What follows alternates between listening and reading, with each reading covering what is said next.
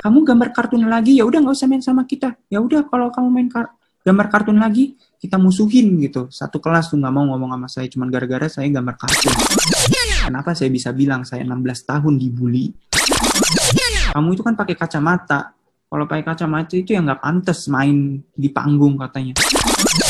Nah saya disuruh dipaksa minum racun sama anak yang yang satunya lagi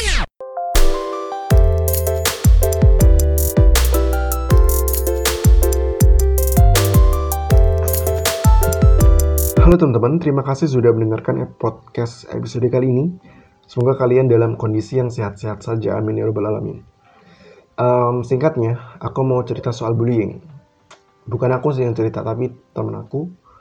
Nanti biar cerita, dia yang cerita sendiri soal pengalamannya dan semoga ini bisa memberikan insight baru soal bullying karena gak banyak orang yang mengkampanyekan soal bullying gitu dan bahagianya ke ke seseorang nih apa tuh gak banyak. Jadi semoga ini bisa jadi insight yang baru buat kalian. Nah, jadi uh, beberapa waktu yang lalu aku memutuskan buat ikut program kampanyenya at kita korban bullying. Dan kebetulan ketemu dan kenal sama sosok ini yang bakalan cerita. Dan kenapa aku ikut? Karena jujur aku pernah menjadi bagian dari lingkaran bullying itu. Dulu waktu masih TK, SD, SMP, terus kuliah Uh, dan emang rata-rata yang join di project itu adalah mereka-mereka yang pernah berada dalam lingkaran ini gitu, lingkaran setan ini. Jadi karena kita semua ngerasa relate dan ngerasa tahu sama isu ini dan kita juga tahu betul rasanya jadi korban atau bahkan jadi pelaku itu seperti apa. Jadi kita antusias gitu untuk mengikuti setiap agenda yang disusun sama adminnya mungkin teman-temanku juga cukup sering lihat di story kalau aku sering share soal ya postingan mengenai bullying karena memang itu salah satu agendanya untuk membagikan postingan itu dan memviralkan postingan itu supaya berada di uh, bagian searchnya Instagram itu loh yang kaitannya sama mat matrix Instagram. Aku nggak nggak tahu betul uh, gimana kerjanya. Intinya kita memviralkan postingan itu supaya banyak yang baca dan banyak yang teredukasi. Nah hari ini aku uh, ajak uh, seseorang ini buat cerita kenapa aku ajak dia karena jadi kemarin tuh ada sesi apa ya namanya free meeting gitu antara semua anggota yang ikut program campaign itu. Dan di situ kita sharing-sharing dan saling kenalan masing-masing. Terus ada giliran seseorang ini yang cerita soal pengalamannya sekelumit karena memang waktunya nggak banyak jadi cerita singkat-singkat aja waktu itu yang ceritanya menurut aku ini ini nggak mudah sih buat buat aku sendiri gitu. Buat seseorang pada umumnya mengalami ini tuh kayaknya nggak nggak mudah gitu. Jadi uh, aku ajak seseorang ini langsung deh sebut saja Mas Al. Aku ajak Mas Al ini buat cerita di sini supaya ya ada insight baru soal bullying ini. Karena bullying ini bisa terjadi di oleh siapa pun di mana pun bahkan orang yang nggak kita duga-duga bisa aja ngebully kita gitu. Sesu seperti kayak ceritanya Mas Al nanti simak sampai akhir gitu. Jadi ya simak aja sampai akhir karena ini pasti bakalan lama banget. Karena ini sepenting itu gitu. Nggak mau banyak nge-crop karena emang ini pesannya semoga bisa sampai gitu. Um, langsung aja. Jadi ini sebenarnya gini. Ini sebenarnya aku udah rekaman di zoom karena emang Mas Al ini asalnya dari Jakarta gitu. Jadi kita ngezoom. Kemudian di pertengahan cerita ternyata ada kendala di zoom. Jadi karena koneksinya buruk jadi sempat putus-putus dan ya pokoknya pada akhirnya sempat pindah di telepon juga di record di telepon gitu. Jadi ya mohon maaf kalau semisal kualitas audionya kurang sesuai dengan minat teman-teman. Tapi yang jelas ini aku usahain sebagus mungkin supaya suaranya atau pesannya juga tetap nyampe ke kalian. Langsung aja kalian dengerin ceritanya. Karena di sini aku juga nggak bakalan banyak menanggapi gitu. Karena ini banyak ceritanya.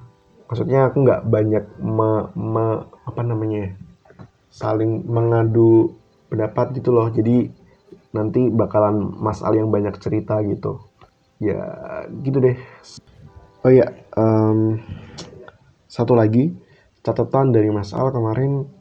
Menurut cerita-cerita yang diceritakan di podcast ini dari Mas Al itu itu murni dari Mas Al dan itu um, milik Mas Al sendiri. Jadi bagi sesiapapun yang dengar podcast ini dan mendengar cerita full dari Mas Al ini uh, tolong tidak tidak untuk di di apa namanya dikomersilkan. Apa sih?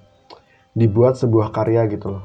Kayak jangan dibikin jangan dibikin karya lagi karena ini miliknya Mas Al. Jadi supaya originalitasnya tetap terjaga gitu loh. Jadi masalahnya pesan ke aku kalau dulu pernah cerita soal ini dan kemudian ada orang yang bikin karya dibikin cerpen atau dibikin film gitu loh Pak. Dan itu tanpa izin dari yang punya cerita ini jadi Mas Al waktu itu nggak ada bukti gitu. Jadi harapannya dengan podcast ini ini bisa menjadi bukti atau bisa mengabadikan cerita dari Mas Al itu dan um, ya intinya ini watermark supaya cerita itu tidak diambil oleh orang lain seenaknya tanpa izin langsung dari Mas Al gitu.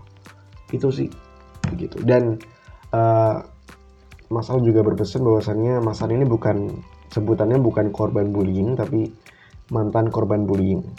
Gitu deh terima kasih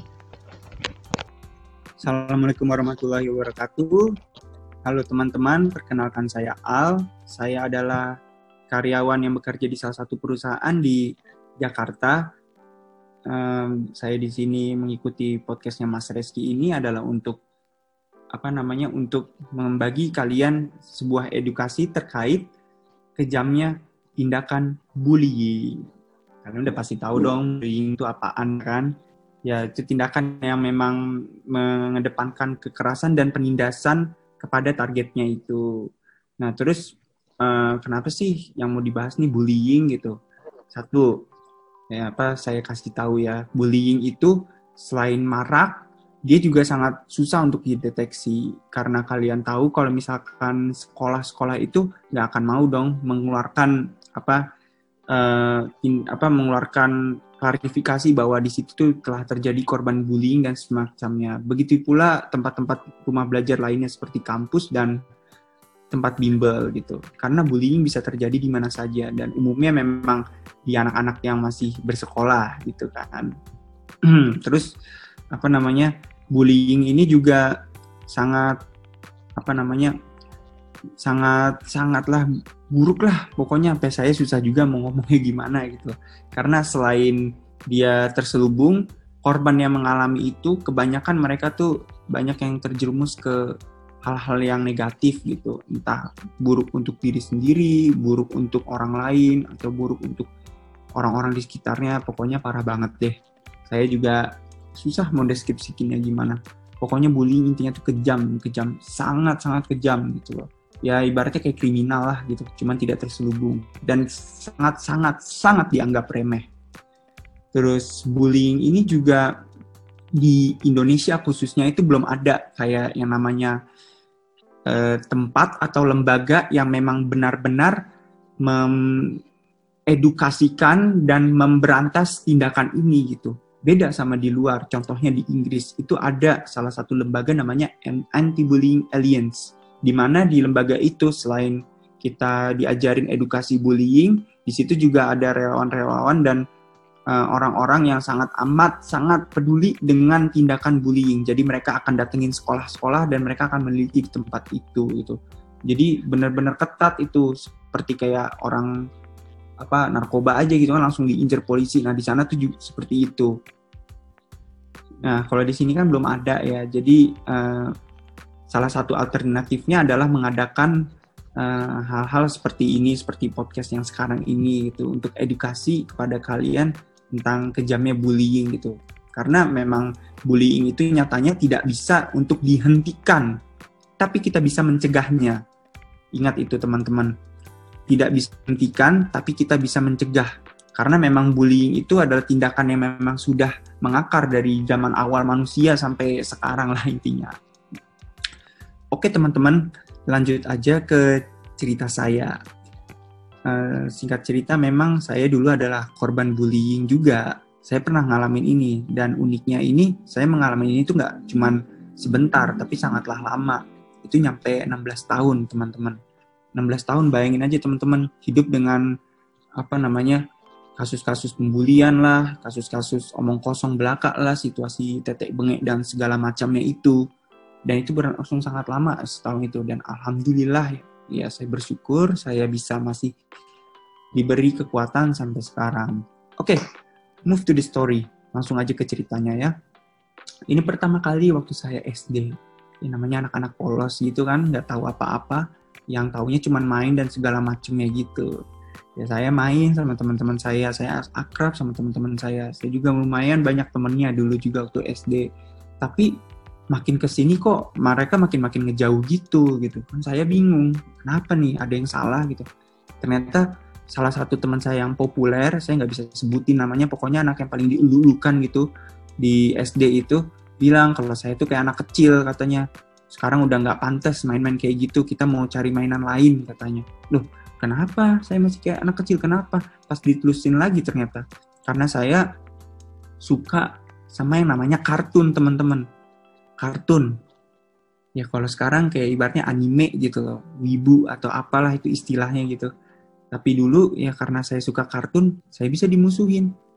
Muncul lagi pertanyaan gitu. Loh, kenapa suka kartun doang kok dimusuhin gitu? Padahal kan kartun kan banyak, kartun juga buat anak kecil dan kita masih anak kecil juga gitu. Itu saya umur kelas 1, 2, kelas 3 SD udah mikir kayak begitu. Ternyata dibagi lagi teman-teman kotaknya. Kartun yang mereka, mereka maksud adalah kartun yang menurut mereka kekanak-kanakan seperti Tom and Jerry, Mickey Mouse, Donald Bebek, Goofy, dan Snow White dan segala macam Disney-Disney lainnya gitu. Di samping itu, saya kan suka gambar juga gitu kan. Saya gambar Tom and Jerry, gambar Mickey Mouse, gambar Donald Bebek tuh mereka tuh gak suka ngelihatnya gitu, sampai risih katanya gitu. Kita tuh nggak nerima anak-anak yang masih kayak bocah kayak seperti kamu gitu. Kalau misalkan masih bocah nggak usah temenan sama kita gitu.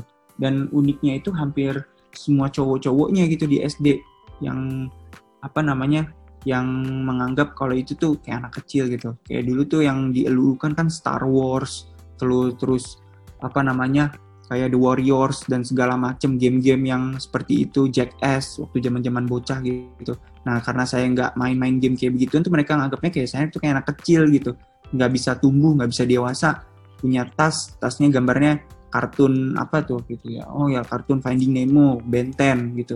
Mereka nganggapnya kayak ini tuh cuma buat anak bocil-bocil aja gitu, lu nggak pantas pakai-pakai gituan, lu tumbuh dewasa dikit dong, malu-maluin gitu.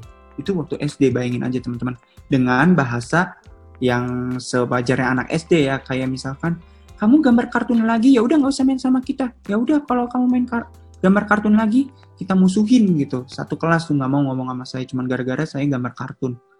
Dan ya namanya saya waktu itu mau bertahan gitu kan mau nggak mau ya saya agak ngikutin cara hidupnya mereka gitu. Itu agak beban juga sih memang gitu. Tapi ya mau nggak mau harus kayak gitu daripada kita di kelas kagak bisa ngapa-ngapain gitu kan. Ya di samping itu juga saya kan suka ada tuh dulu pencarian kayak pencarian bakat untuk mentas seni. Saya itu suka ikut yang namanya casting gitu apa casting casting apa ya bilangnya teman-teman? Kalau itu ya yang kayak mau audisi lah pokoknya. Nah ya audisi. Audisi untuk mengikuti pentas seni setiap tahunnya di SD nah uniknya nih saya selalu mencalonkan diri tapi saya nggak pernah lolos gitu. Di samping kayaknya saya ngira acting saya masih jelek dulu pada porsinya uh, atau mungkin saya memang nggak pantas gitu. Tapi ada hal yang sangat janggal dan amat janggal gitu. Waktu saya kelas 3 kelas 4 gitu kelas 3 dulu deh. Apa namanya pemilihan itu udah nggak berdasarkan sama gurunya lagi ngeliat bakatnya. Tapi itu guru mempersilahkan anak-anak untuk memilih siapa yang cocok jadi peran itu gitu. Otomatis saya kalah dong. Saya kan anak nggak populer dulu jadi kayak susah gitu kan mau uh, apa ngedapetin hal yang kayak gitu pasti anak memilihnya yang populer lah yang keren yang apalah di ya udah akhirnya juga saya ada acting disuruh jadi monyet gitu kan waktu itu kelas 5 SD nih. Saya udah udah bagus banget ya pokoknya saya ngelakuin. Ya. Ya udahlah tapi mau gimana lagi saya terima gitu mungkin ya rezekinya belum belum gitu dulu gitu kan. Rezekinya belum belum pada saatnya. Udah lanjutlah ke SMP karena kelas 6 nggak ada pentas seni jadi lanjut aja SMP dan saya waktu masuk SMP kan mikir dong saya nggak mau jadi korban bully lagi. Saya nggak mau dikucilkan cuma gara-gara kartun. Saya juga nggak mau dikucilkan cuma gara-gara nggak bisa main bola gitu kan. Dulu juga tuh teman-teman kalau main kalau lu nggak bisa main bola tuh kayaknya lu cemen lu hina lu apa kayak gitu. Lu nggak bisa main lu bukan cowok lu cewek lu banci lu bencong dan segala macam itu. Dulu waktu zaman zaman SD tuh. Ya udah lanjutlah ke SMP eh, saya masuk di situ kebetulan ada guru yang dulu pernah ngajar di SD saya. Ini sangat-sangatlah kebetulan gitu loh teman-teman. Soalnya kan saya dulu di SD-nya di Bekasi, sekarang pindah gitu ke daerah Ciputat. Nah gurunya tuh dari Bekasi itu ternyata pindah ngajar ya di tempat SMP saya sekarang gitu. Nah itu guru itu singkat cerita dia udah pergi waktu saya umur kelas 3 SD. Dia udah pergi dari sekolah saya di SD dan ternyata natapnya tuh di sekolah SMP itu gitu. Yang saya masukin. Dan ternyata teman-teman yang lebih uniknya lagi di guru itu menderita uh, abusive disorder. Jadi uh, ada penyakit kejiwaan gitulah, pelampiasan. Dan dia itu seneng banget gitu kayak apa namanya ngelampiasin amarahnya dia ke murid-muridnya gitu kayak murid-murid nggak becus lah dikatain lah goblok lah tolol lah bego lah segala macam diteriakin lah dibentak lah sampai muridnya nangis-nangis gitu. Terus singkat cerita dengernya kayak begitu. Cuma kan saya dulu nggak percaya. Ya udahlah saya mah bodo amat gitu. Dia juga pas ketemu saya biasa aja. Tapi teman-teman waktu itu ya saya apa namanya kayak nyebarin aibnya dia gitu. Sebenarnya bukan nyebarin aib sih. Jadi guru ini tuh agak curang sama sekolah saya yang di SD dulu itu. Jadi dia bawa apa lagu mars sekolah saya waktu SD sama SMP sama kan. Ternyata tuh guru yang tadinya ngajar yang nyiptain Marsnya itu kan guru yang tadi tuh loh bilang gimana ya. Pokoknya guru yang pindah itu dia nyiptain lagu untuk sekolah saya di SD gitu. Udah dipakai lagu Mars sekolah terus dia pindah lagi ke SMP nah di situ dia pakai lagi tuh lagunya gitu. Kan kayak ibaratnya kayak ngeremehin banget gitu kan udah nyiptain lagu yang sama dia pakai lagi di sekolah yang baru. Jadi seolah-olah punya sekolah yang itu gitu. Ya ibaratnya kayak skandal lah skandal plagiarisme lagu gitu. Pas pengetahuan sekolah saya yang SD itu. Nah itu saya mulai mulai kena lagi tuh kan kayak jadi dendam tuh guru sama saya. Gara-gara ada satu kayak apa masa pas masa orientasi gitu kan. Saya disuruh nyanyi itu lagu mars sekolahnya itu kan hafal dong otomatis orang lagu SD gitu kan hafal. Tapi uh, kenapa ditanya sama guru-guru kenapa kok bisa hafal lagunya itu ya saya dengan polosnya menjawab Ya iyalah bu, orang itu lagu Mars sekolah SD saya. Saya bilang kayak gitu, kaget satu sekolah dong, deng, deng, deng, deng. Semua pada kaget gitu. Wah, masa iya nih jadi topik perbincangan dan segala macamnya gitu. Wah, teman-teman saya yang baru-baru juga pada bingung gitu.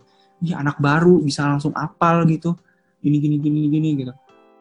Ya udah singkat cerita lah uh, pertengahan SMP lah waktu saya masih kelas 7 juga tuh masih kelas 1 SMP kan ya saya diajar sama guru itu tuh pelajaran musik. Nah di pelajaran musiknya itu ya saya sering aja suka kena gitu kayak apa dikit-dikit salah dikit-dikit salah dikit-dikit apa. Tapi saya belum sadar tuh kalau dia tuh dendam sama saya. Ya udah saya mah bodoh amat gitu dulu kan. Orang saya masih punya teman dan ya itu teman-teman. Alhamdulillah saya SMP nggak ada teman yang ngebully saya. Benar-benar nggak ada gitu tapi ya ini makanya saya mau kasih tahu gitu. Kenapa saya bisa bilang saya 16 tahun dibully? Ya makanya dengerin aja lagi. Ya udah lanjut ke akar permasalahannya adalah eh, yang sama terjadi lagi waktu zaman-zaman SD yaitu adalah masa-masa casting masa-masa audisi untuk pentas seni. Lagi-lagi saya pengen ikut gitu kan.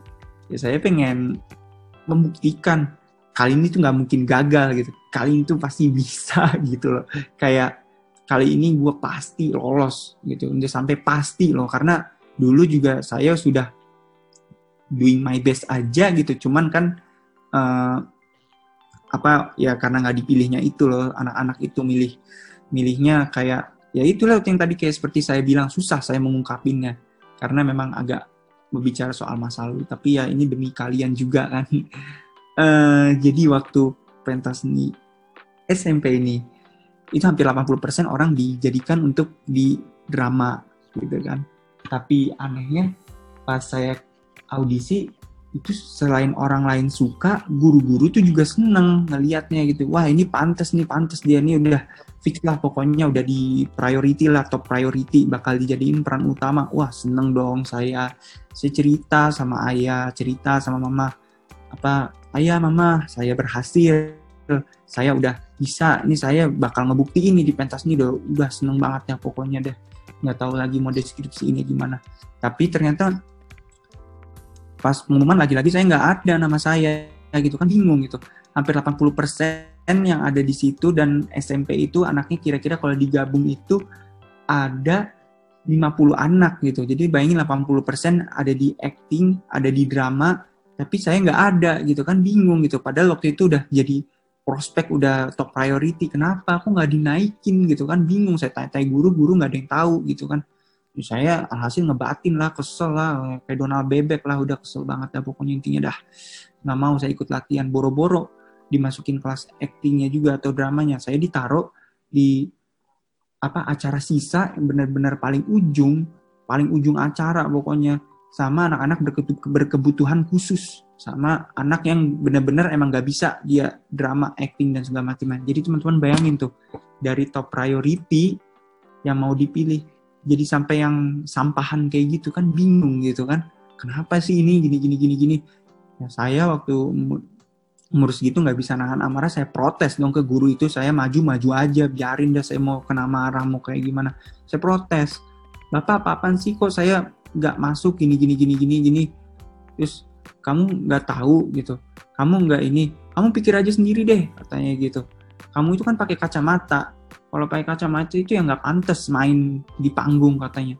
Nanti kamu nabrak-nabrak gini gini gini gini gini gitu kata dia gitu kan. Oh, saya mah tetap marah gitu. Tapi kan saya udah gini gini gini juga. Oh ya FYI teman-teman. Jadi waktu saya awalnya bisa ngomong sama guru ini juga karena dulu apa mantan saya mantan lagi. Pacar saya dulu udah jadi mantan sekarang. Dia ngasih tahu gitu loh kalau ada yang gak beres dari guru itu. Jadi harusnya saya yang naik malah yang di bawah saya skornya yang naik gitu. Nggak dinaikinnya alasannya karena saya pakai kacamata. Nah protes dong saya masa iya sih cuman karena pakai kacamata dong saya nggak berhak untuk tampil di panggung gitu kan. Oh ujung-ujungnya kalau bukan drama juga tampil di panggung gitu kan dulu mikirnya. Ya udah saya nanya deh gitu ke guru itu gitu kan pas lagi pelajaran musik juga gitu Bapak kenapa saya nggak diterima gitu? Saya kan pantas harusnya kan saya udah ini saya udah nunjukin gitu. Buktinya waktu itu guru-guru pada senang kenapa saya nggak lolos. Ya, dia marah langsung dipelototin dibilang, eh kamu ini ya gitu. Kalau emang enggak yang enggak gitu. Kamu kan pakai kacamata. Kalau pakai kacamata ntar kamu nabrak-nabrak di panggung kayak gitu gitu. Saya nggak mau ada yang kayak gitu-gitu. Saya protes dong. Saya buktiin pak kalau saya bisa. Saya buktiin sekarang juga kalau saya bisa. Oh kalau nantang nantang gue katanya gitu. Ya udah sini kalau mau buktikan sini kacamata lo katanya. Diambil kacamatanya nih sini kacamata lo katanya. Diambil kacamatanya ditaruh. Gitu ya udah sekarang lo berdiri katanya. Ini beneran kayak gitu bahasanya ya jadi bukan aku rekayasa. Jadi lo lo sekarang berdiri teman-teman di sini semuanya berdiri semuanya uh, mencar-mencar gitu. Jalan-jalan aja nih eh kamu anggap aja ini panggung kamu jalan dari ujung sampai ujung jangan sampai nabrak kalau nabrak kamu gagal katanya. Gila aja gue disuruh kayak gitu dulu kan. Ya udah. Aku kan mau nggak mau ya demi mimpi aku demi apa aku gitu ya udah deh aku lakuin aja gitu kan. Pas sudah saya pas mau di gua pas mau ngelakuinnya gitu kena dikit sama teman yang adalah saya lupa kena siapa gitu. Disuruh duduk kan dah dah stop stop stop, stop. duduk duduk duduk duduk. Kamu nggak pantas katanya. Gitu. Oh, sedih dong saya gagal lagi. Ya udah deh ya mau gimana lagi udah gagal udah udah capek-capek cerita juga sama orang tua gitu kan. Coba aja gagal. Ya udah gitu ternyata ya saya dengar juga dari temen lah. Selain itu tuh saya juga dihina cuman ya karena udah terlalu parah lah. Saya agak susah untuk membukanya.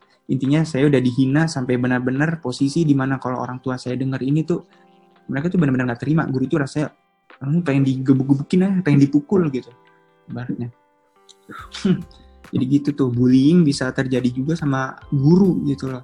Nggak cuman murid doang gitu. Murid antar murid dan guru bayangin. Dari kasarin di hina di segala macamnya gitu. Tuh bullying. Terus uh, apa namanya? Uh, selain itu juga kan udah dong akhirnya ya pentas seni lah pentas seninya jalan saya dengan ala kadarnya dan apa adanya gitu. Ya tetap saya ikutin gitu saya sempat protes juga orang tua saya gitu kan kenapa anak ini nggak dilolosin gini gini gini. Ya pas ujung-ujungnya juga guru itu udah terlalu banyak kasus ngejahatin anak-anak di situ termasuk saya gitu kan. Akhirnya mudah mau dipecat aja. Dipecat lah guru itu. Begitu teman-teman. Ya singkat cerita habis guru itu dipecat dia minta maaf. Kalau saya tuh berlaku tidak senonoh. Saya udah ngancurin mimpi kamu saya udah apa langsung nangis nangis dia sama saya gitu tapi tetap aja saya kesel gitu kan cuman ya waktu itu masih agak bisa maafin.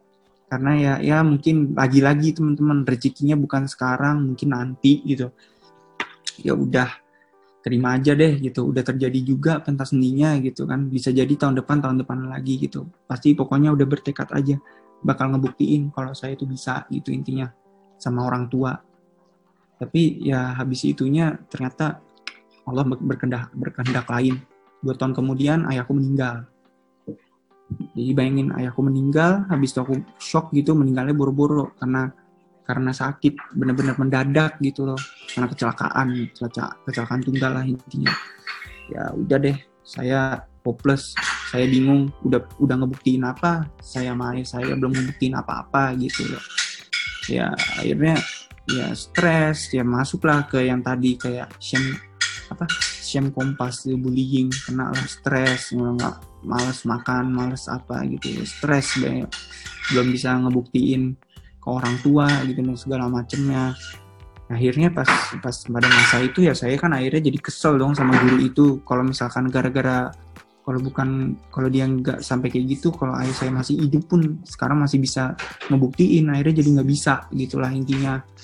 Ya udah kebetulan jadi sampai sekarang itu ya udah sampai kayak gitu lanjutlah masuk saya masuk SMA gitu kan. Nah kalau SMA ini itu justru ya nggak nggak seperti separah saya waktu sama guru itu sih. Cuman jatuhnya contoh-contohnya murid. Jadi saya kasih taunya ini juga saya cuma pengen ngasih tahu kalau orang seperti ini tuh ada gitu loh. Ya ini saya ada temen gitu saya punya temen yang dulunya tuh deket-deket pengen jadi teman deket lah bilangnya. Pengen jadi kayak sahabat gitu ke saya gitu cuman makin ke sini tuh kelakuannya tuh makin kayak ngelunjak gitu. Uh, kayak pengen apa pengen sesuatu dari saya lah baru dia deketin. Kalau enggak dia pergi gitu. Model-modelan kayak gitu. Terus juga apa namanya uh, ngomongnya kasar gitu. Terus saya sama teman saya juga suka kena. Jadi kayak saya tuh temenan nih bertiga. Nah saya sama yang satunya nih deket nah dia ini suka ikut-ikutan sama kita berdua ini. Nah, tapi dia ini kasar banget gitu sama kita berdua gitu kayak ngebully lah gitu. Saya ngebulinya tuh ngebully politik gitu teman-teman. Susah saya mau ngasih taunya cuman karena kan garis besarnya. Intinya sama dia tuh ya tiap hari tuh saya di kayak dia tuh minta apa aja ya, pengen itu saya. Kalau saya nggak ngelakuin itu apa ya anjing. Kalau misalkan lu nggak ngelakuin A atau lu ngakuin B sebar semua sebagai teman dekat. Jadiin itu senjata untuk menjatuhin saya ke orang seperti kayak gitu. Baik di awal bangsat di akhir gitu. Nah ya kayak gitu. Ya ya nyuruh nyuruh lah nyuruh nyuruh saya nyuruh nyuruh sahabat saya itu juga gitu. Bawain barang kerja kelompok sampai berat berat lah segala macamnya itu. Gimana. Cuman ya gitulah. Apa malakin uang terus uh, ditatar lah tapi tatarnya tatar politik gitu di apa namanya. Ya gitu dengan alasan kalau misalkan nggak nggak ngelakuin apa yang dia mau katanya aib mau disebar gitu. Belum lagi orang-orang yang di sebelahnya lagi gitu nggak cuma dia doang ada orang lain kayak bilang eh lu tahu kan itu bocah yang itu gitu. Bapaknya kan dulu mantan apa vice presiden Telkom katanya saya gitu kan. Iya tapi bingung ya. Ibu ini cantik bapaknya keren. Kok bisa sih ngelahirin anak kayak begini? Uh saya di sebelahnya berdiri saya pukul tuh orangnya. Bak bak ini orangnya beda lagi gitu kan bukan yang tadi. Saya pukul bak bak bak bak mau brengsek lu bangsa tuh. Saya berantem gitu. Ngomong kayak gitu. Dan bodohnya lagi dia tuh ngelawan gitu. Maksudnya dia berani sama saya kan kurang ajarnya orang gitu. Berani. Nah nih teman-teman tahu apa yang terjadi di hal itu tuh? Eh, nggak uh, ada yang ngelarai sama sekali, nggak ada yang ngelarai kita gitu. Sekali ngelarai itu bilang, woi, woi kayak bocah aja lu berdua ribut gitu. Kenapa? Karena saya sama dia termasuk yang culun juga gitu. Maksudnya termasuk yang kasta bawah lah kalau SMA gitu. Jadi bayangin aja kasta bawah tuh juga saling nindas di, di SMA saya gitu. Itu baru sama orang itu tuh. Saya marah banget sih sama orang itu. Saya berantem ya babak belur babak belur. Dah dia juga takut habis itu kan sama saya. Biarin aja deh dia udah sampai kayak begitu gitu loh. Ya tekanan-tekanan gitu. Saya bingung sih kalau mau nyeritain garis besar karena terlalu kompleks belum lagi kalau diutangin diutangin tuh kalau ditotalin bisa nyampe 10 5 juta lah kalau di ini ini, ini gitu. Terus ya Astagfirullahaladzim. Yang paling parahnya lagi dulu tuh disuruh minum racun. Pernah saya disuruh dipaksa minum racun sama anak yang yang satunya lagi tadi itu yang yang teman dekatnya saya itu tiga gitu. Wah parah sih itu.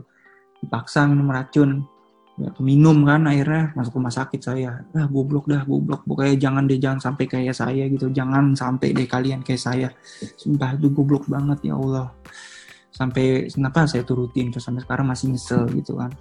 Ya cuman nggak ada ini lagi kalau saya nggak turutin saya dimusuhin satu angkatan gitu kan. Kayak serem juga dulu mikirnya kayak gitu. Sampai ya udah kayak gitu selain itu ya disuruh makan tanah juga pernah. Terus disuruh oh ya jadi percoba oh iya itu tuh astagfirullahaladzim kalau diingat-ingat. Saya di waktu itu jadi gini teman-teman kan naik motor gitu sama dia. Naik motor pulang habis beli alat prakarya gitu. Terus jadi ngebawanya ngebut gitu kan sambil ngomel-ngomel dan segala macemnya. Patah tuh styrofoam gitu. Gila sih astagfirullahaladzim kalau diingat-ingat kalau itu gue nggak mati gitu ya terus patah kan styrofoamnya gitu kan. Marah dia. Wah anjing lu gue suruh disuruh jaga styrofoam doang kagak bisa lu gitu. Gini-gini. Itu kan buat prakarya kita. Ntar kalau kita jelek gimana? Diem beberapa saat kemudian dia goyangin tuh motornya gitu. Neng kok sampai jatuh di jalan raya gitu kan. Terus dia ngomong sumpah lu kalau bukan teman gue lu udah gue bunuh katanya. Kayak gitu teman-teman. Gila sih itu udah gitu tiap hari dia minta bekal saya minta dimasakin ini dimasakin itu ke rumah bongkar kulkas bongkar segala macam mainan saya dirusak lah apa segala macamnya ini bocah gitulah pokoknya. Terus ya apa merusak barang-barang di rumah saya gitu. Nggak minjem barang kagak pernah dibalikin. Ini dan ini tuh orangnya beda sama yang tadi tuh. Cuman ya karena politik jadi saya kasih tahu yang sebelum yang sebelumnya lagi tuh bulinya bully langsung yang satunya ini politik jadi dia bakal masuk ke kesetan gitu masuk ke umbul-umbul. Habis masuk umbul-umbul baru pengaruhi manusianya kayak begitu. Sih itu memang minjem laptop rusak apa dia nggak mau tanggung jawab tas dimasukin sampah terus di MT-in lah segala macam. Ah udah puyeng dah pokoknya dia nyamani orang udah terlalu banyak. Susah pokoknya ya tapi saya kasih tahu garis besarnya adalah yang itu. Dan jujur masih sangat sangat sangat banyak lagi ya yang dilakukan sama dia tuh selama tiga tahun itu. Gila sih. Uh tapi itu garis besarnya yang tiga itu sih intinya yang tadi aku kasih tahu. Jadi SD sama teman-teman aku SMP sama guru aku yang tadi sama dua orang yang tadi yang satu yang mau yang jahat sama saya itu juga cybernya parah teman-teman. Oh iya satu lagi deh bonus. Bonus bonus bonus. Nah ini cyber nih. Cyber dia kan uh, kelompok kan bertiga as always seperti tadi. Tapi liburan sama keluarga hari Jumat. Nah saya pergi lah ke puncak. Dan waktu hari yang aku kasih tahu cuma salah satu sampel dan contohnya gitu dari ribuan yang dia lakuin ke aku ya. Dia bilang eh anjing katanya. Mana lu nggak masuk sekolah? Katanya gitu. Lu tahu nggak sih kita kesusahan nih kita gue sama lu lu tega lu. Dasar homo nyusah nyusahin kita berdua katanya. Ini kita dimarahin nih sama guru Mandarin ini gara-gara lo nggak hadir di sini. Bangsat katanya. Weh balas anjing balas balas anjing katanya. Ya aku kan bodo amat aku dimin gitu kan. Pokoknya gue nggak mau tahu hari Senin tugas itu harus ada lu harus selesaiin woi balas balas anjing balas balas anjing ping ping ping ping ping ping. Lu nggak tahu ya kalau waktu liburan itu gue yang ngatur katanya. Lu nggak berhak atas waktu lu gue yang berhak atas waktu lu katanya. Gila sih itu parah banget. Balas balas maaf oh, balas oh, balas katanya. Balas oh, kasar deh kasar banget kebun binatang semua keluar dan segala macam itu hari itu. Tapi ternyata dapat lagi message dari sahabatku yang satu yang juga kena korbannya dia ikutan ikutan terpengaruh juga gitu bayangin aja gitu kan tahu nggak gara-gara nggak ada lu kita hampir dimarahin. Terus tugas itu harus ada hari hari Senin. Jadi tolong ya bantuan lu tuh kata sahabatku. Dia ngomongnya halus sama saya tapi kan kasihan jadinya sama sahabat saya gitu kan. Ya udah deh akhirnya saya kerjain juga tuh tugas. Yang lain pada liburan akhirnya saya capek-capek tuh liburan ngerjain tugas sampai jatuh sakit liburan. Bayangin guys eh teman-teman liburan tuh saya jatuh sakit gitu. Ya istilahnya yang lain pada senang-senang akhirnya saya jatuh sakit lah gitu. Karena selain harus ngeliatin yang cyber cyber itu ya saya juga nggak mau ngasih tahu lah ke orang-orang di situ kalau saya lagi kena cyber gitu kan. Bilang aja nggak enak badan dulu. Ya kayak gitulah teman-teman itu kejamnya cyber. Dan ingat yang aku kasih tahu itu cuma hanya salah satu dari ribuan cyber lainnya yang seperti itu ya. Jadi banyak dengan permasalahan permasalahan setiap harinya. Ya setiap hari setiap hari. Itu bisa dikategorikan bullying yang paling terparah yang dialamin saya yang berurusan dengan murid tapi tetap aja yang guru yang tadi masih kadarnya masih di atas lah intinya gitu. Terus ya berlanjut lagi nih teman-teman ke kuliah. Kuliah 4 tahun.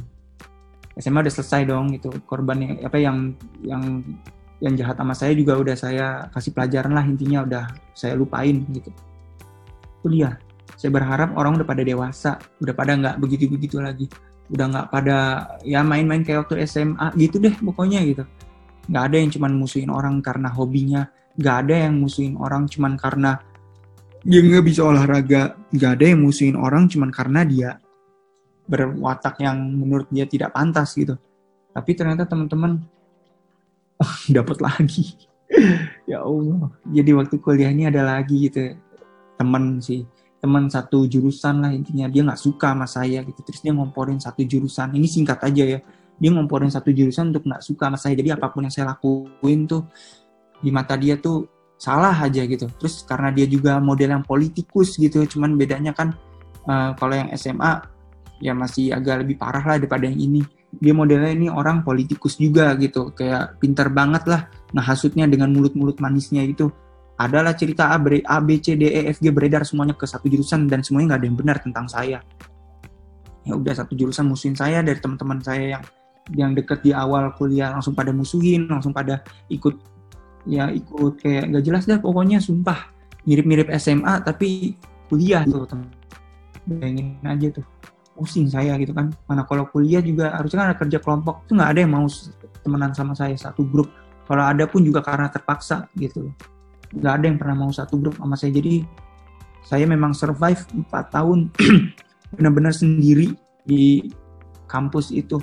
Ya seenggaknya kalau ada teman yang memang di luar jurusan saya tapi di jurusan saya saya nggak punya teman. Benar-benar nggak ada punya teman.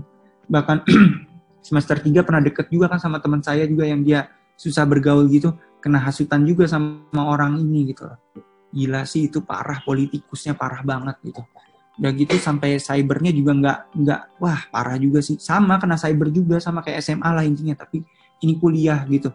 Kena juga dan ternyata pas ditelusurin tuh dia cuman envy doang gara-gara iri sama saya. Karena saya pinter kata dia gitu kan. Saya pinter nyaingin dia gitu dia envy lah intinya gitu. Bisa ngelakuin hal seburuk itu bikin orang susah. Sampai bilang ah aduh sumpah deh teman-teman susah kalau mau aku ceritain satu-satu ya. Aku cuma kasih tahu garis besarnya aja. Intinya cybernya tuh sampai juga kayak dulu kan udah zaman Instagram. Zaman Instagram ini ya udah apa namanya ya sampai kayak mukaku di edit edit lah segala macemnya. Wah udah sampai yang kayak gitu deh pokoknya. Ya udah pokoknya kayak gitu. Intinya apa namanya akhirnya saya bisa survive lulus kuliah dengan hasil yang memuaskan. Dia juga akhirnya minta maaf gitu akhirnya pernah ngelakuin itu. Sadar teman-teman. Sadar dia ngelakuin itu. Minta maaf. Tapi tetap aja kan. Namanya luka. Luka tetap ada. Eh, eh luka bisa sembuh tapi bekasnya tetap ada. Gitu teman-teman. Oke. Okay. tadi kan uh, di masa-masa bullying tuh Mas Al tuh mekanisme copingnya gimana sih? Maksudnya kayak uh, cara menghibur diri. Biasanya kan kalau masih SD tuh barangkali apa oh iya iya siap. Dan apa itu kan belum belum sebagus kalau kita udah dewasa gitu. Nah, wak iya. waktu di SD itu tuh gimana sih biar tetap tetap sehat tetap sehat mental gitu? Nggak nggak waktu SD oke oke oke. Waktu SD ah ini sangat menarik sih. Saya bakal kasih tahu gimana saya bisa survive sampai akhirnya sekarang juga kan ya. Hmm. di samping itu saya nggak mau munafik ya. Trauma tetap ada. Trauma trauma luka dan segala macam tetap ada. Ini adalah cara untuk preventnya aja. Oke lanjut. Waktu SD kalau waktu SD masih bocah gitu ya saya cukup ngelakuin apa yang saya suka aja gitu. Ya bodo amat saya gambar tetap gambar gitu. Tapi ya memang nggak di sekolah. Jadi pulang dari situ ya dulu alhamdulillah saya apa namanya suka diajak jalan sama saudara. Kan ayah saya juga sering ngajak jalan-jalan ke puncak. Apa itu udah cukup menghibur sih healing udah cukup menghibur saya lah intinya nggak ketemu orang-orang di sekolah. Itu aja sih terus kayak saya suka minta sama ayah saya ayah saya sih dulu kan yang suka ngajak saya ke mana-mana. Kayak mau main di time zone dulu suka banget main di time zone gitu. Ya udah aku main di situ aku puas-puasin bener-bener aku nggak inget masalah sekolah gitu. Walaupun memang setelah pas masa sekolahnya langsung muka bete lagi gitu ya seperti itulah main PS gitu. Terus main sama peliharaan terus main sama tetangga. Kan tetangga di rumah kan nggak ada tuh yang bully-bully kayak gitu ya. Itu cuman terjadi di sekolah doang tuh SD cuman gitu jadi kayak mesti jaga image aja waktu di sekolahnya. Karena kan saya yang nggak ada backingan gitu. Kalau saya begitu masa iya saya nggak ngomong sama satu kelas cuman gara-gara suka gambar kartun. Aneh sih sumpah itu aneh banget gitu loh kenapa mereka bisa berpikir begitu gitu loh sampai sekarang masih kepikiran ya buktinya aja sampai sekarang masih bisa cerita gitu intinya Nah terus lanjut pas SMP. Kalau SMP kan saya emang nggak nggak kena gitu bully yang sama anak-anak. Justru saya malah SMP punya geng, saya main yoyo bareng, saya naik sepeda bareng, gowes bareng, main fiksi, shuffle segala macem deh. Ya memang sih ada sih sedikit ya bully-bulian yang ece-ece lah, bully-bulian masih bisa diterima gitu. Misalkan kayak dia ngatain saya, woi jereng gitu, saya balas lagi lah gitu. Saya, woi jereng, lu hitam gitu, saya balas lagi gitu. Memang itu kan seperti saya bilang bullying itu udah mengakar di kehidupan. Terus nggak mau munafik juga ya kata-kataan orang tua itu juga ada gitu. Zaman zaman itu gitu. Ya, kalau dia ngatain saya saya katain balik gitu. Jadi kan saya juga menghibur diri saya juga gitu. Bukan saya mau ikut-ikut tapi memang udah begitu. Kayak kita tuh secara tidak langsung ngeblend ke lingkungannya gitu loh. Kayak ibaratnya yang A tidak biasa di lingkungan A yang B tapi yang A tidak biasa di lingkungan B begitupun sebaliknya gitu. Nah di sini saya apa namanya saya bertahan hidup yang kayak gitu ada kendalanya satu yaitu olahraga. Itu saya paling nggak bisa tuh kalau dia disuruh main bola main basket gitu. Tapi saya maksa dulu gitu. Saya maksa saya juga main bola saya juga main basket. Bodoh amat ya kelihatan cemen-cemen kacamata rusak kacamata rusak. Nggak nggak peduli itu yang penting seru-seruan aja bener-bener fun deh SMP itu kalau sama teman-temannya gitu menurut saya karena uh, kita benar-benar kerasa banget kompaknya, benar-benar kerasa banget nih geng gue ini loh bisa temenan sama geng ini gitu. Dan di situ tidak ada anak yang alhamdulillah nggak ada yang jadi korban bully secara, wow nggak usah temenin dia, nggak usah nggak ada. Di SMP tuh nggak ada yang kayak gitu. Semuanya temenan, bahkan yang memang susah bergaul pun tetap ditemenin lah gitu. Anak yang paling bandel pun juga hatinya tuh baik gitu sama kita gitu. Jadi nggak ada yang bully yang sampai kayak gitu tuh SMP hampir sama sih kayak kayak pergi ke mall main di time zone karena suka banget saya emang main arcade gitu kan dulu sama temen-temen. Sama gitu. Nah kalau SMA masih sama juga. Pokoknya intinya kayak ngelakuin hobi kita aja gitu loh kayak what do you like gitu apa yang kamu suka just do it lakuin aja gitu. Bahkan juga mungkin ada masa-masa bahagianya juga saya sama si pembuli brengsek yang kasar tadi itu juga. Misalkan jalan di jalan ke mall gitu nonton bareng. Pernah memang dulunya satu geng kan saya bilang satu geng temenan dulu. Baru dia pas itu ngambil kelemahan orang-orang di sekitarnya. Nggak cuma saya doang yang kena. Orang lain juga kena cuman saya parah aja ken kenanya gitu sama nih orang. Gitu. Terus ya kan saya punya best friend gitu punya sahabat satu orang nih temennya memang dikit tapi mereka tuh pada iri guru-guru juga ngiri kalau saya tuh sama dia tuh bener-bener kayak adik kakak lah gitu. Ya cuman dia dulu tempat tempat curhat saya gitu. Sampai sekarang masih temenan nih trio bertiga. Ya dia ngerti banget saya kayak gimana saya juga ngerti dia bagaimana gitu. Dulu kalau dikatain juga dia walaupun sempat ikutan terpengaruh juga dia ngerti kalau itu salah gitu loh. Jadi saking parahnya bullying tuh begitu gitu loh. Kayak hukum rimba di hutan gitu sekalipun kau adalah keturunan satu dari singa. Singa apa keluarga singa itu ya kadang-kadang berantem juga tapi tidak sampai benar-benar musuhan gitu. Ya seperti itu sih paling. Kuliah masih tetap sama. Cuman bedanya kalau kuliah ini agak susah karena kan kita udah ya maksudnya udah dewasa gitu. Yang tadinya mikir nggak bakal kejadian lagi yang begini justru mah kejadian jadi PR lagi gitu loh. Gimana caranya barulah muncul insting untuk survive gini. How can this will not happen anymore gitu. Bahasa Inggrisnya kasarannya seperti itu gitu loh. Gimana supaya saya tidak diginiin lagi mulai instingnya jalan lah gitu. Oh ya saya harus berprestasi. Oh ya saya harus nunjukin bahwa saya bukan sampah. Oh ya saya harus nunjukin bahwa karya saya bisa menghasilkan prestasi di kuliah itu gitu ya di samping itu saya tetap ya nonton sendiri benar-benar sendiri. Kayak apa nonton bioskop sendiri makan me time sendiri yang lain pada sama gengnya saya sendiri gitu. Cybernya juga parah gitu loh kuliah saya kena gitu. Susah makanya teman-teman kalau diceritain satu-satu ya intinya karena cure-nya ya saya dengan melakukan apa yang saya suka aja gitu. Dulu memang saya suka main time zone ya saya main time zone itu. Uang mau keluar banyak lah nggak apa-apa. Yang penting saya bisa ngelupain lah hari itu. Ibaratnya kayak orang kalau kesel orang-orang barat kesel mabuk minum gitu. Ya saya mabuk minumnya ya main time zone itu gitu.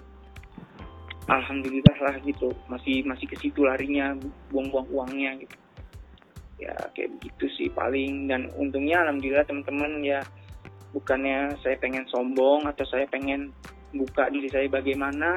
Alhamdulillah saya dapat prestasi nomor satu di kuliah. Nomor satu yang benar-benar sampai dosen yang paling galak, yang paling brengsek dan paling segala macam yang ngata-ngatain saya. Kontol, ngatain anjing, maaf ya kasar. Tapi itu yang dia lakuin di depan umum saya dibentak sama dia. Dia ngomong gini ke satu jurusan itu mereka itu bukan tandingan kamu. Kamu udah jauh 10 langkah lebih baik dari mereka. Itu satu jurusan. Dan itu saya berdiri, posisinya saya berdiri di depan, lagi nerima hadiah, sama lagi nerima penghargaan. Saya sendiri, saya nggak punya teman. Saya benar-benar nggak ada teman untuk berbagi. Kalau saya minta informasi, orang-orang pada pura-pura nggak tahu supaya gua nggak, supaya saya nggak apa kebagian informasi itu. Tapi saya bisa saya buktiin kalau saya bukan sampah kalau saya bukan apa namanya orang yang sepatutnya mereka ganggu orang yang sepatutnya mereka tindas saya bukan orang seperti itu. Justru saya adalah orang yang harus mengedukasi orang-orang untuk tidak melakukan hal yang mereka lakukan terhadap saya. Itulah teman-teman. Jadi inting inting untuk keluar dari jurangnya itu teman-teman. Kita tuh harus bangkit. Terutama mungkin yang dengar di sini ada yang juga uh, korban bullying gitu. Bangkit aja teman-teman. Memang susah teman-teman. Susah banget. Kalau saya ceritain satu-satu juga ini sampai podcast tiga minggu empat minggu nggak bakal kelar-kelar. Yang yang pastinya jangan lupa lah untuk berdoa untuk apa beribadah minta sama Tuhan minta sama Allah. Karena ya memang uh, hanya dialah tempat untuk berlindung gitu kan ya di satu sisi lagi waktu apa ya kita tadi lupa bilang. SMA saya juga punya cerita menarik sih itu. Menarik untuk dibagi. Kenapa? Karena ya sebenarnya tuh gini teman-teman. Kita tuh udah punya insting itu cuman kita tuh dulu nggak sadar gitu. Termasuk saya dulu saya nggak sadar kalau saya punya desire saya punya punya momen untuk bangkit untuk bisa ngebuktiin ke mereka kalau saya bukan sampah. Itu sebenarnya itu udah ada tapi dulu saya nggak sadar. Ini unik cerita teman-teman. Oke okay, back to SMA ya. Kan ya dengan bully-bulian dan segala macamnya itu saya juga habis kehilangan bapak saya kan waktu itu. Terus ya ada nih satu pelajaran olahraga di mana ngelibatin satu kelas gitu loh. Ini mirip sama yang kuliah cuman ya gitu satu kelas gitu kan Nah itu disuruh lomba lari, stamina, dan di situ tuh ada hadiahnya. Hadiah riset, tapi bagi saya itu kayak saya keinget sesuatu. zaman waktu ayah saya masih hidup dia kan kenal sama yang namanya Irfan Bahdim. Irfan Bahdim itu dulu brand ambasadornya Pocari Sweat gitu kan. Saya ngefans banget sama Irfan Bahdim dan inget gitu kalau bapak saya orang yang terpandang dulu yang bisa sampai diakuin sama si Irfan Bahdim yang pas lagi tenar-tenarnya. Jadi bayangin aja kalau kita nih orang tua kita tuh ternyata deket banget sama idola kita gimana. Wah saya tiru semua saya minum Pocari Sweat minum Pocari Sweat minum apa setiap hari saya minum Pocari Sweat sampai kembung-kembung tuh perut dulu. Lucu emang. Ya itu pas itu kan saya lihat hadiah Pocari Sweat saya ingat loh langsung flashback ayah meninggal saya belum bisa buktiin dulu saya juga dibully sama guru waktu SMP gitu sampai nggak bisa apa namanya sampai belum bisa ngebuktiin kalau saya bukan sampah ke ayah saya dia udah keburu mati duluan gitu kan. Ya udah saya tekad hari itu saya harus menang. Gila memang gitu orang lawan saya satu kelas dan yang satu kelas itu ada yang all star dan segala macamnya itu. Lomba dimulai. Jadi itu disuruh lari prit lari ke ujung prit lari ke ujung balik lagi. Tergantung dari wasitnya itu. Nah pas wasitnya prit prit prit kalau misalkan kita udah nggak kuat tinggal berhenti peraturannya simpel cuman kayak gitu. Alhasil ya pada berhenti gitu kan banyak tinggal tersisa 10 orang. Pas saya lomba itu prit prit lari lagi prit lari lagi. Ngos-ngosan semuanya. Ternyata saya saya waktu itu masih bertahan nggak sadar kalau saya tuh salah satu orang yang bukan di All Star Football. Di mana All Star Football itu berarti adalah orang yang mewakilin tim apa tim sepak bola di sana gitu loh. Yang stamina udah pasti setiap hari dilatih lah gitu saya salah satunya ibaratnya kayak loser in loser apa ya bilangnya? Pecundang di antara jagoan gitu. Uh orang pada ada wah si Al curang si Al curang tuh udah jalan tuh. Semuanya justru malah ngejatuhin saya gitu. Termasuk yang ngebully saya itu juga. Udah kalau nggak kuat nggak usah udah kalau nggak kuat nggak usah dipaksain. Nggak bisa mikir kan saya bukan sampah saya bukan sampah saya bukan saya bukan apa hina saya berhak gitu. Di otak saya tuh pas lari ngos-ngosan saya cuma ngelihat ayah saya doang gitu di situ. Lagi ngeliatin saya dari atas saya inget banget kayak gitu. Udah al berhenti udah al berhenti kata mereka semuanya. 10 hilang. 9 8 7 tinggal 7 orang teman-teman. Saat tiga di antaranya adalah yang yang paling gede. Satunya tuh orang fitness yang kalau misalkan dibuka perutnya tuh six packnya empat gitu. Bayangin aja deh lawan saya tuh yang begituan gitu uh stamina udah kayak kuda segala macem gitu. Dia juga udah ngos-ngosan gitu kan. Udah dia tumbang tuh si spek tumbang. Udah tinggal aku kiper sama tiga striker. Aku kiper sama tiga striker tinggal lima. Oh ya sorry tadi harusnya ada satu lagi ya nggak kesebut gitu. Biarin lah pokoknya tinggal lima. Tumbang lagi tinggal tiga. Aku sama dua orang ini kiper sama striker yang stamina paling gede gitu. Udah tuh udah Andro berhenti. Eh Andro ya nama saya namaku Andro ketahuan deh dulu. Udah Al berhenti udah Al katanya berhenti udah nggak usah lagi gitu. Udah jalan itu lu udah jalan gitu harusnya lu berhenti gitu. Terus dengar tuh saya ya paling dibiarin sama si wasitnya karena kasihan. Kasihan kata yang ngeliat saya gitu. Jadi dibiarin aja nggak disuruh berhenti sama wasitnya. Jadi bayangin tuh kita lagi berusaha aja orang tuh langsung tetap remehin kita. Kita lagi menggapai mimpi kita. Istilah itu kasaran menggapai mimpi. Mimpinya adalah minuman itu gitu orang tetap ngejatuhin kita bertubi-tubi gitu. Aku tetap aku bodoh amat. Sampai aku berdoa ya Allah kalau misalkan aku kena serangan jantung detik itu juga hari itu juga aku mati aku rela. Aku bisa nyusul ayah juga nggak perlu ngerasain yang namanya bullying lagi. Sampai kayak begitu. Bener-bener dah pemenangnya adalah Al. Dah pada protes dibangga-banggain tuh semuanya. Satu kelas dua kelas tiga kelas gitu kan. Ya di kelas lu yang menang siapa? Oh nggak ada yang berani nggak ada yang berani jawab gitu. Sebenarnya sih bukan apa sebenarnya menang tuh si Al tapi harusnya tuh bukan Al yang menang. Cuman wasitnya aja kesian kan namanya juga anak cemen katanya. Gila gitu. Gila men. Sampai kayak gitu gitu bullying. Dan saya dengar gitu cuman kan saya nggak bisa berontak. Karena kalau misalnya saya berontak juga nggak ada bukti gitu kan. Dengar doang nggak ada yang belain juga ya udah terus uh, apa singkat cerita ya udah itu ceritanya. Jadi uh, walaupun orang ngejatuhin kalian gitu untuk meng, saat menggapai mimpi kita mimpi kalian gitu janganlah apa namanya pudar semangat. Susah memang balik lagi susah susah banget untuk ngebangun itu. Tapi ya ingat aja ya kita membanggain diri kita ada diri kita untuk orang tua kita gitu. Kita pengen ngebuktiin yang terbaik buat orang tua kita gitu kan ya akhirnya alhamdulillah saya tetap menang walaupun hadiahnya Pokari Sweat itu gitu kan. Ya ini bisa jadi pelajaran buat kalian. Kalau sebenarnya tuh kita udah punya pemberontakan itu cuman nggak ketahuan dan masih terkubur di alam bawah sadar kita. Kan alam bawah sadar kita nggak tahu ya apa sadar itu cuma pas di situasi-situasi kepepet kayak yang tadi itu kan istilahnya kepepet gitu loh baru sadar. Ya begitulah teman-teman ceritanya oh iya. Oke ya paling sekian dari saya untuk cerita-cerita soal bullying dan bagaimana cara kita mencegahnya untuk bangkit. Saya juga pengen ngasih tahu nih kalau saya itu punya konten di Instagram yang hampir satu niche dengan kita korban bullying. Apa namanya kita korban bullying tadi seperti yang saya bilang di awal adalah komunitas di mana di situ um, kita mengedukasi teman-teman untuk tidak ini apa untuk memprevent tindakan bullying. Nah, saya sendiri juga sebelum ikut KBBI itu udah membuat konten yang sama namanya Agen Culun. Itu di Instagram A G N C U L U N itu konten apa konten motivasi untuk bagaimana cara kita bangkit dari kejamnya tindakan bullying. Jadi lebih ke bangkitnya gitu loh lebih ke solusi bagaimana kita bisa bangkit uh, ketimbang uh, kita terus berada di lingkaran setan bullying itu. Kalian bisa langsung cek buka Instagram langsung buka klik follow agen culun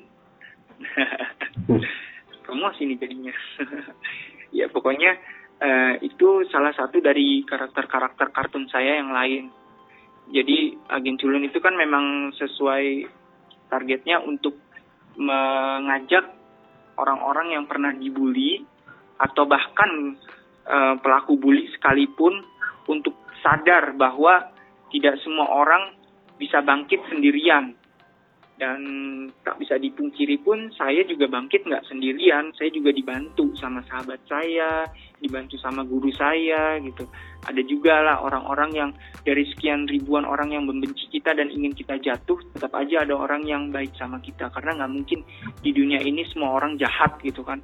Walaupun 80% orang jahat mungkin. Ya begitu. Ya dengan adanya agen culun ini apa saya berharap bakal bisa membuat apa orang tersadar akan kejamnya tindakan bullying.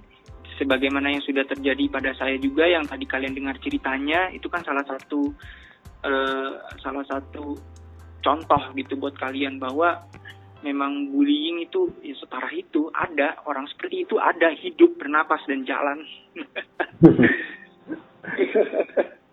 Ya gitu Terus juga teman-teman kalau udah buka agen culun, kalian bisa lihat juga dong ada ada konten yang lain juga selain itu.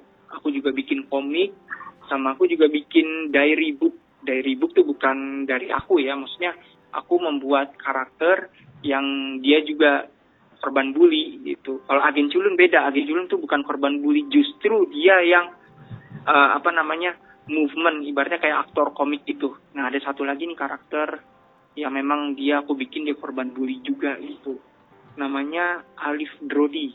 Itu diari. Dia kolaborasi sama fotografer-fotografer itu di ejanya at A L I F D R O D I. Alif Drodi. Itu salah satu konten yang memang aku bikin sebagai kayak penyimbangnya agen culun gitu loh. Kalau agen culun itu untuk mengatasi bullying Alif Brody ini untuk mendekatkan orang agar tidak melakukan hal-hal negatif seperti bullying. Jadi hampir mirip lah gitu.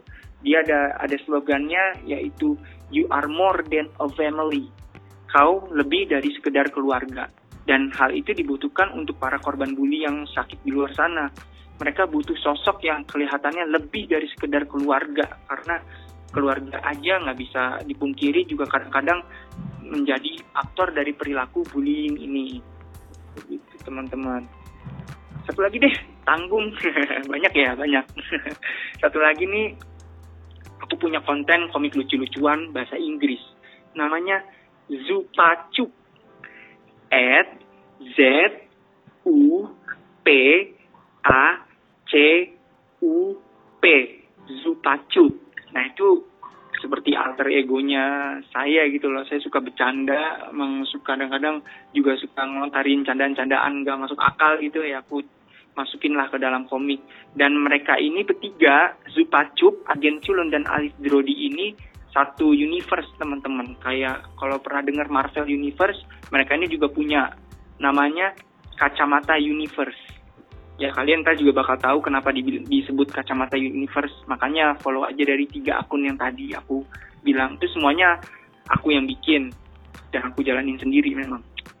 Tiga-tiganya itu yaitu juga apa kalian kalau misalkan lihat konten-konten itu uh, kalian juga jangan lupa share ke teman-teman kalian karena yang aku share itu juga buat kebahagiaan kalian lah gitu. Mungkin kalian ada yang suka komik, bisa follow Zupacup atau kalian pengen cerita-cerita yang menyentuh hati, kalian bisa follow Alif Drodi atau kalian pengen yang memang langsung seperti yang tadi bullying dan segala macam ilmu bullying, langsung aja klik Agen Culu. Ya gitu teman-teman ya, uh, oh ya mungkin kepo juga ya sama Instagram aku apa? Aku nggak bisa kasih tahu di sini. Lihat aja di agen culon atau di apa konten-kontenku yang tadi. Mungkin kalian bisa tahu mana aku. Ya begitulah teman-teman. Pengen banget sih kenal sama kalian semua. Pengen juga bagi-bagi cerita ke kalian semua. Pengen juga apa namanya tahu pengalaman kalian yang pernah ngebully atau yang pernah dibully gitu. Penasaran gitu loh apa sih enaknya ngebully kadang-kadang gitu. Penasaran juga nggak nggak nggak bisa bohong gitu. Apa sih yang kalian rasain kalau habis ngebully itu? Apa kepuasannya itu loh? Ya aku sih nggak pernah ngerasain karena aku nggak pernah ngebully ngebully orang sampai yang kayak begitu ya. Kalau kata-kataan itu mah wajar karena kan kita bergaul harus kadang-kadang harus ngikutin juga sama apa namanya uh, kebiasaan tempat di situ gitu. Biar kita nggak dikira bego-bego amat lah gitu nah makanya kalau mau yang tahu tips-tips yang kayak gitu ya ada di agen culun semuanya tuh. Udah aku kasih tahu semuanya di situ. Itu pokoknya tempat yang paling pas buat kalian yang pengen bangkit atau kalian pengen tahu bagaimana sih rasanya jadi korban bullying bagaimana sih kalau dulu tuh pernah dibully tuh rasanya kayak apa. Karena nggak selain motivasi dan motivasi dan kawan-kawannya di situ juga ada curah-curahan isi hati. Curahan isi hatinya juga nggak bukan cuma dari aku doang. Aku juga research keluar gitu. Ada korban bully yang lain aku aku minta izinnya mau nggak ceritanya dimasukin di agen culun jadi agen culun itu bukan apa interpretasi aku sebagai korban bully bukan itu itu movement itu movement buat kalian itu ilmu buat kalian itu sarana buat kalian supaya kalian bisa bangkit dan aware akan tindakan bullying itu. Terus juga jangan lupa follow langsung tuh kita korban bullying. Itu kampanye yang juga nggak kalah keren ya karena aku juga bisa ada di sini juga kalau bukan karena konten kita korban bullying nggak mungkin aku bisa share ini ke kalian gitu loh. Oke, okay, that's it. Paling itu aja dari aku. Semoga cerita-cerita aku dan segala macam yang aku bilang tadi bisa jadi bahan pelajaran buat kalian ke depannya. Semoga yang mendengar selalu diberkahi oleh Allah dan dimudahkan segala urusannya ke depan. Oh iya karena kan ya dulu kan suka gambar gitu. Terus sekarang kayak buat ngisi waktu luang gitu daripada main game yang gak bermanfaat ya aku bikin konten aja. Makanya kepikiran bikin agen culun gitu loh.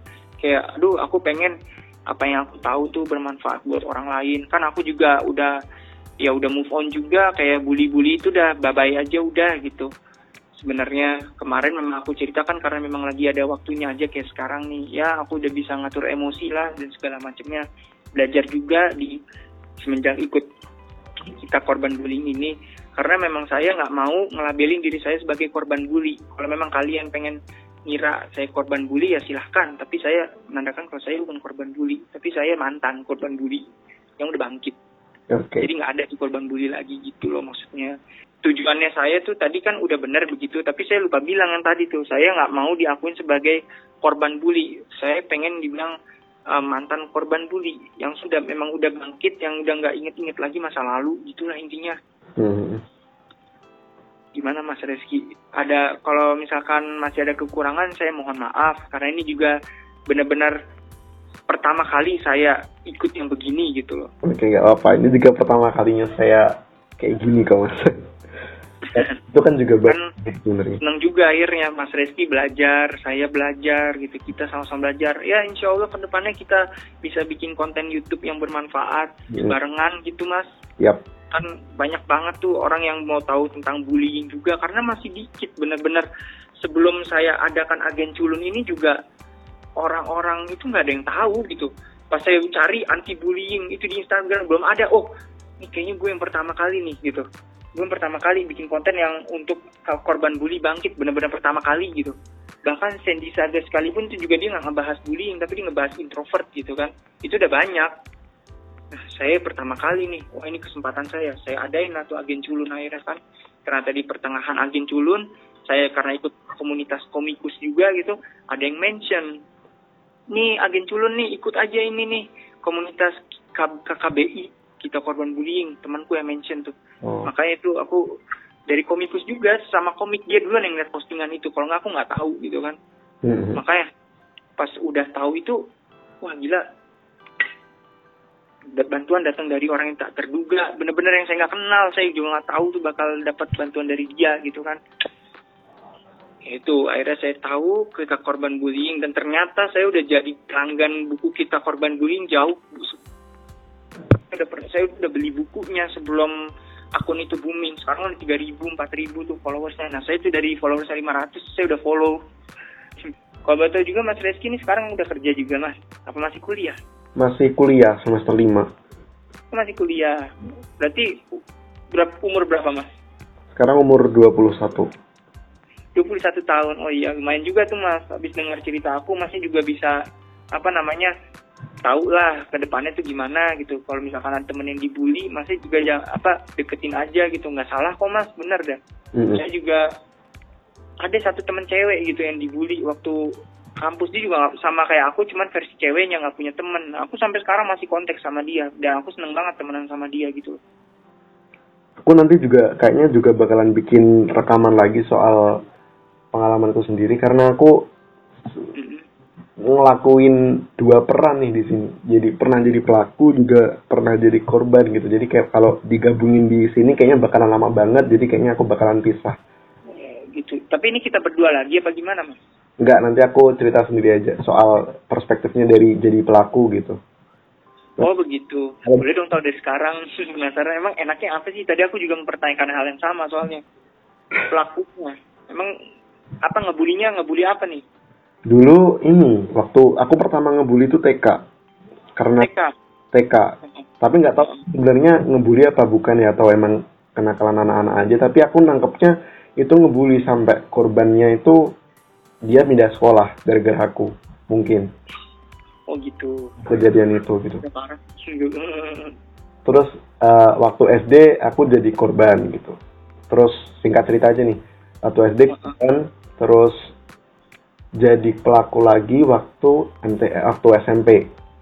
Jadi pelakunya tuh aku SMP cyberbullying. Jadi ngangkat masalah aku angkat di di sosial media gitu. Salah. Hmm, Twitter dulu zamannya kan? Uh -uh. Ya kalau apa masnya mention orang gitu, mention korbannya biar korbannya stres gitu ya mas? Uh -uh. Eh, cewek apa cowok tuh mas targetnya? Nggak mention nih, nggak nggak nggak mention. Jadi waktu itu di Facebook sebenarnya kayak cuma sindiran gitu loh. Tapi teman sekelas tuh tahu yang yang aku yang aku sindir yang aku benci itu siapa tuh tahu di teman sekelas. Jadi, kenapa masih benci sama dia mas? Apa? Kenapa mas benci sama orang itu waktu itu? Karena... dia pernah ngapain gitu? Dia pernah ngapain? Anu kayak apa ya? Itu sebenarnya kita teman deket waktu itu tuh waktu kelas 1, kelas 2 tuh kita teman deket banget malah. Karena itu sekira sempat segeng gitu. Terus waktu kelas tiganya kita aku ngerasa kayak uh, mungkin karena faktor envy kali ya. Kalau aku nah, sekarang liatnya sih gitu habis dapat uh, materi kemarin. Oh kayaknya kemarin NV deh gitu. Oh baru tahu dari materi kemarin juga gitu ya. Oh gitu mas. Oke deh. Ya aku paham sih. Memang NV itu ternyata tuh yang faktor paling mencolok karena waktu kuliah juga tuh orangnya NV memang. -hmm. dia ngeliat tugasku bagus dia kesel gitu kan langsung musuhin. Bahkan kayak temanku yang udah aku ajak ke kuburan ayahku aja sampai nangis-nangis di kuburan ayahku juga kena asutannya mas bayangin aja. Hmm. kalau misal apa kalau misalkan aku ceritain full itu ini podcast bisa tiga hari empat hari. Penasarannya. Gila sih. Ya kalau mau tahu lebih ya next time we meet in real life lah langsung gitu. Kalau mau makasih banget ya mas Reski uh, udah menjadi saya sebagai narasumber. Semoga mas saya apa diberi kemudahan kuliahnya segala macamnya oke? Okay? sama-sama mas. Terima kasih. Oke okay, good luck mas. Assalamualaikum. Waalaikumsalam. Yap, kurang lebih seperti itu ceritanya dari Mas Al. Ya, soal pengalaman dari SD yang dibully gara-gara cuma menggambar. Terus, apalagi tadi, dibully sama guru. Yang ternyata guru yang tanpa kita duga harusnya bisa melindungi kita bisa ternyata bisa jadi pelaku juga gitu kan. Terus juga lagi ada cerita soal cyberbullyingnya juga gitu. Banyak banget cerita dari Mas Al dan personally aku dapat insight yang baru nih soal bullying yang aku nggak ketahui gitu karena pengalamannya juga beda-beda gitu dan hmm, semoga teman-teman semua yang sekarang mendengarkan juga dapat ilmu yang baru, insight yang baru. Jadi kalau kalian menemukan tanda-tanda ada aksi bullying di sekitar kalian, kalian bisa lebih aware dan langsung take action gitu. Jadi supaya untuk melindungi korbannya dan juga mencegah perbuatan yang lebih jauh dari pelakunya gitu. Syukur-syukur kalau kita bisa mencegah perilaku itu gitu. Jadi kita lebih menghargai orang lain dan lebih uh, ya merangkul mereka-mereka yang mungkin kelihatannya diam tapi banyak masalah bisa aja itu punya masalah gitu. Sih? Kurang lebih kayak gitu deh. Kalian pasti bisa menerjemahkannya dengan bahasa manusia yang lebih layak. Um, kurang lebih itu. Terima kasih Mas Al. Terima kasih semuanya. Susah terus. Semoga semangat terus bikin konten komiknya semoga goalsnya juga bisa segera terwujud terima kasih atas waktunya terima kasih semua lagi banyak banget nih terima kasihnya. Pokoknya sampai jumpa di episode selanjutnya. Salam eskalasi. Assalamualaikum warahmatullahi wabarakatuh.